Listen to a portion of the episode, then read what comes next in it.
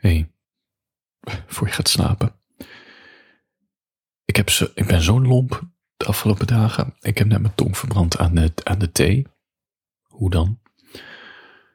En ik heb zo hard mijn teen gestoten. Echt zo hard.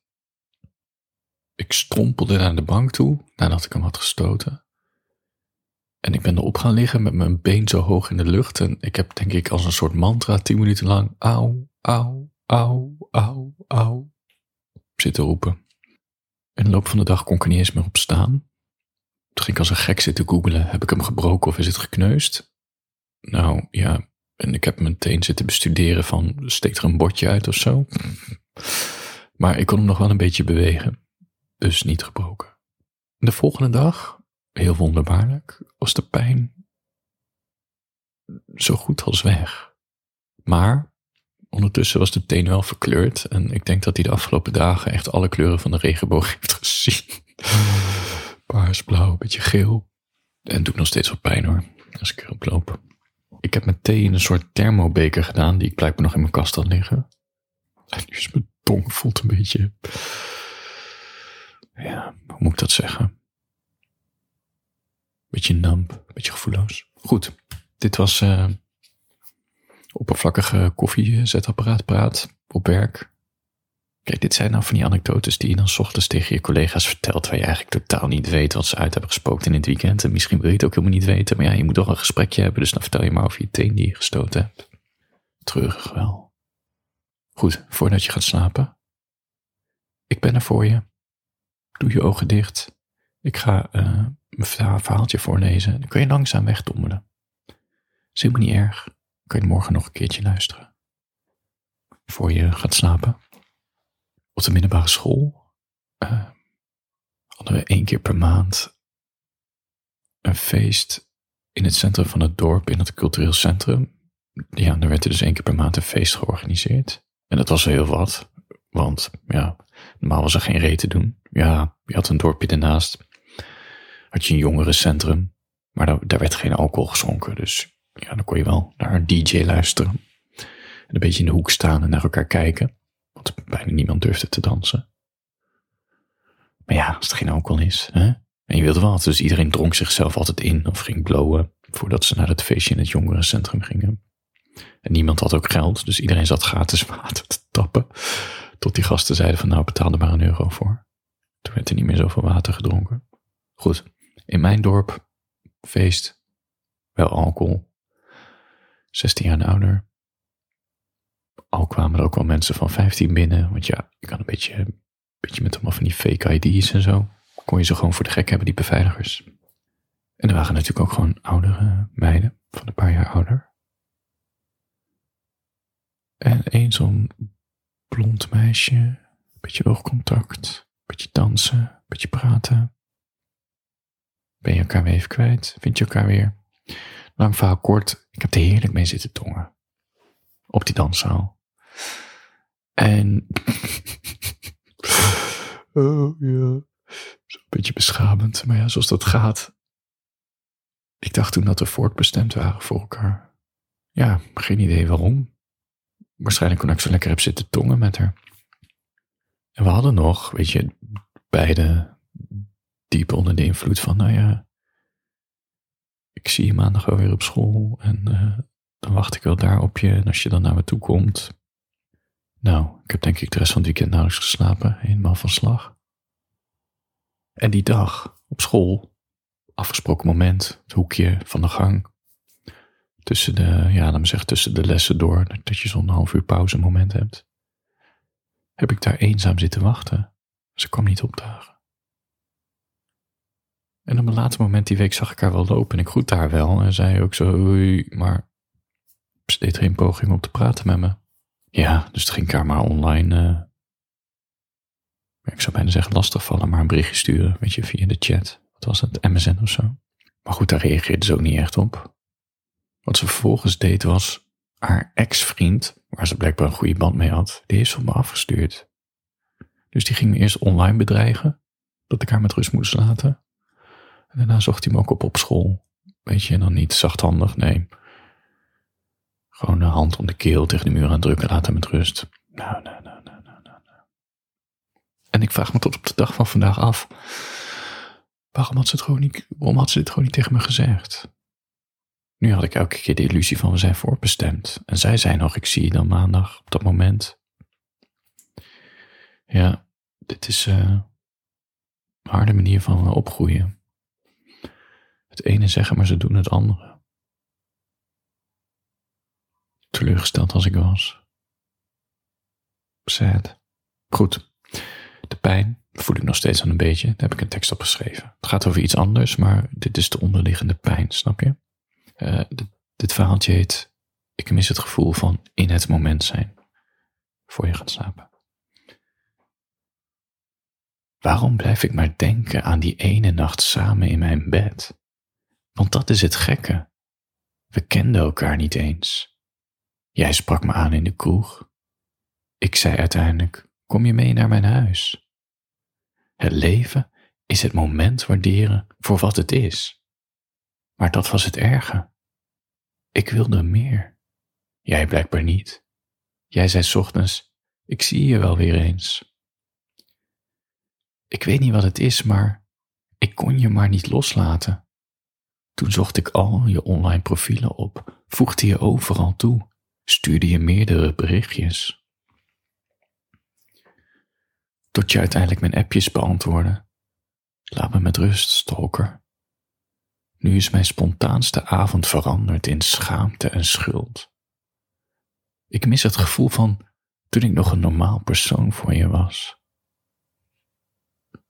Einde. Iemand stuurde me een linkje door. Ik weet niet meer wie. Laura? Was jij het? Ik zat even te denken aan mijn pijnlijke kleine teen. Het was een artikel op Vice. Dat iemand een OnlyFans-account was begonnen. Carmen, nee, Carmen stuurde me door. Iemand was op OnlyFans een, een uh, sorry, op een OnlyFans-account begonnen. met foto's van de grote teen. Ik vind het zo artistiek. Zijn hele mooie foto's, nou ja, van de grote teen. Een beetje sensueel of in, uh, een beetje met mooie kleurtjes belicht. Of, of ergens wat die teen uh, ergens in de pudding gaat of zo. Dat soort dingetjes. Er zijn dus ook mensen die dan allemaal requests doen voor die teen. Omdat dat ze opwint, die grote teen. Ik vind het zo, dit soort dingetjes. Ik weet niet, ik vind het echt kunst omdat het, omdat het iets uit het normale trekt. Weet je, we weten allemaal waarom je op OnlyFans zit of jezelf laat zien op OnlyFans. Dus gewoon een bepaalde lichaamsdelen te showen voor hongerige mensen die er graag uh, voor betalen. Prima. Het gaat om intimiteit. En dan geef je er een soort twist aan door iets heel, weet je, voetenfetish is er ook. Dus er zullen vast wel OnlyFans accounts zijn met mensen met hele mooie voeten en mensen die er heel erg van houden. Maar dat iemand dan een account begint met een teen. Fascinerend. Ja, dan maakt het echt kunst, omdat je opeens heel anders gaat kijken naar OnlyFans. Ja, waarom ook niet? Een teen. Tot zo'n gek ding is. Ik kan me nog als ik aan Vice denk, kan ik me echt van die hele maffe artikelen herinneren. Een artikel van een gast in Amerika die van die zonnebrilletjes uit China liet komen en die verkocht op, op uh, technofeestjes, of weet ik veel wat ze daar in Amerika hebben, van die illegale dancefeestjes. Zodat mensen hun ogen konden camoufleren als ze aan de druk zaten. Super grappig. Uh, en een gast, of een vrouw, breide, volgens mij was het breien, een heel speciaal stofje. Ik doe het allemaal uit mijn hoofd, dus ik heb geen idee of ik het verkeerd heb onthouden. Een speciaal, een beetje iets van Tibetaans stofje of een soort wol, wat heel zacht is. Een soort lapje maakte ze ervan. En dat kon je dan gebruiken om je als man uh, mee af te trekken. En dat verkocht enorm goed, omdat het blijkbaar een heel zacht, lekker stofje is om uh, over je lul heen te wrijven. We weten het allemaal, het grapje van jongens en, en de sok met masturberen. Volgens mij denken mensen dat je dan bedoelt dat je je zaad afveegt met je sok. Weet ik niet hoor. Dat dacht ik altijd, maar mannen en sokken en aftrekken, dat is gewoon je sok om je lul doen en dan met die ruwe stof van je sok over je eikel heen wrijven. Wat gewoon echt heel pijnlijk is. Dus dan moet je al een beetje masochistisch ingesteld zijn. Maar goed, Vice had er een artikel over, blijkbaar een heel zacht stofje dat heel populair is. Hoe komen ze erop, die gasten van Vice? Soms heb ik echt het idee dat ze het allemaal uit de grote duim zuigen. Het is zo'n raar platform. Goed, nu dus een mooi artikel over iemand met een grote tenen en OnlyFans. Kortom, ik ga mijn klein gestoten teen, die, die met al die kleurtjes veranderd. Ik ga denk ik ook een OnlyFans account beginnen.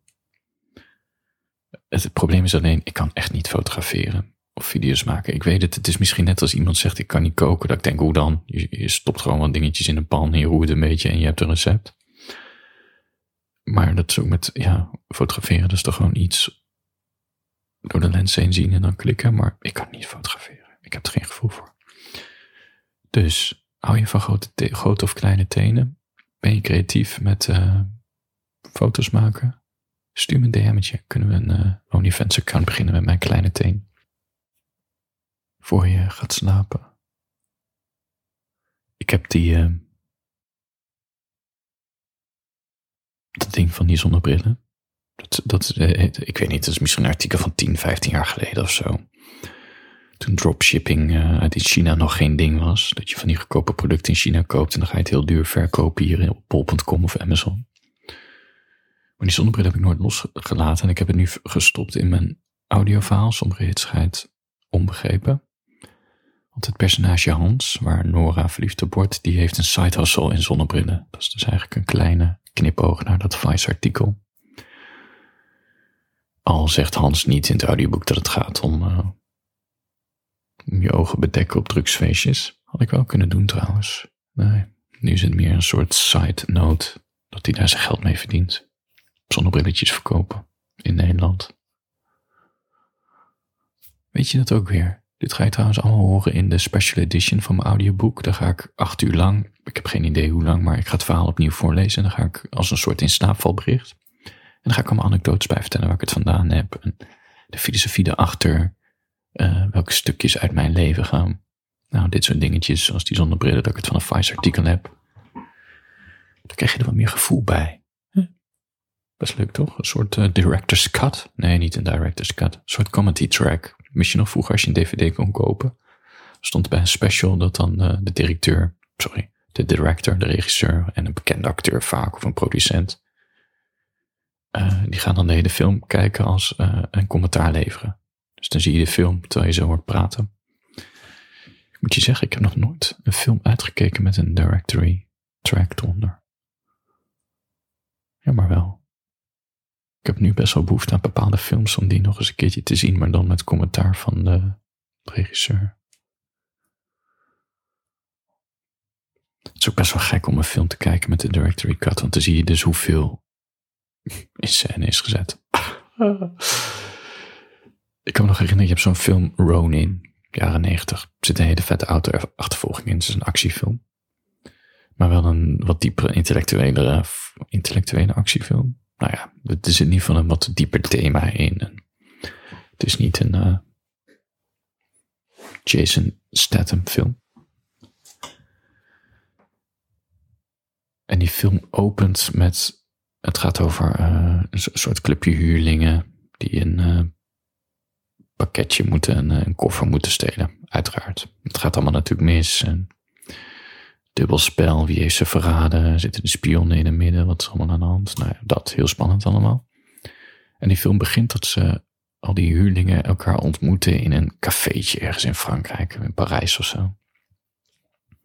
En nu zie je zo'n Parijse trap, ik denk in Montmartre of zoiets, uh, aflopen. Misschien is het niet eens Parijs, maar en dan zie je dan uh, op de achtergrond zo'n stelletje lopen, zo'n man en een vrouw, de arm in arm met een muts op en een stoffen jas. En vervolgens zie je een shot van de deur van het café en dan zie je ze ook weer langslopen, die uh, figuranten. En dan gaat een hoofdpersonage naar binnen. En hoor je dus in zo'n directory commentary, zegt ja, dit shot trap af is buiten gefilmd.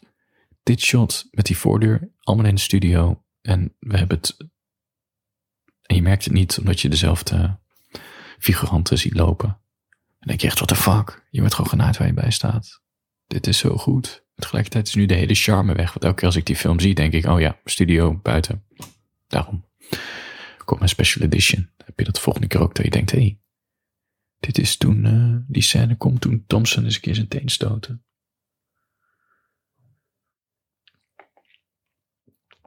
Ik zie het best wel gebeuren trouwens dat in één, als ik doorga met die sombere hitsigheid reeks, dat een van die personages een OnlyFans account of, of iets wat erop lijkt gaat starten.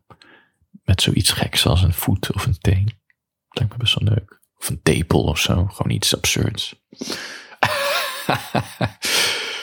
OnlyFans account voor je tepel. Ik heb wel een personage die fascinerende tepels heeft en ook het heel grappig vind. Uh, dat is ook een soort running gag, dat de tepels zo opvallend lang zijn. Een beetje van die antennes. Het zou best een leuke twist zijn dat hij een OnlyFans account ermee gaat beginnen.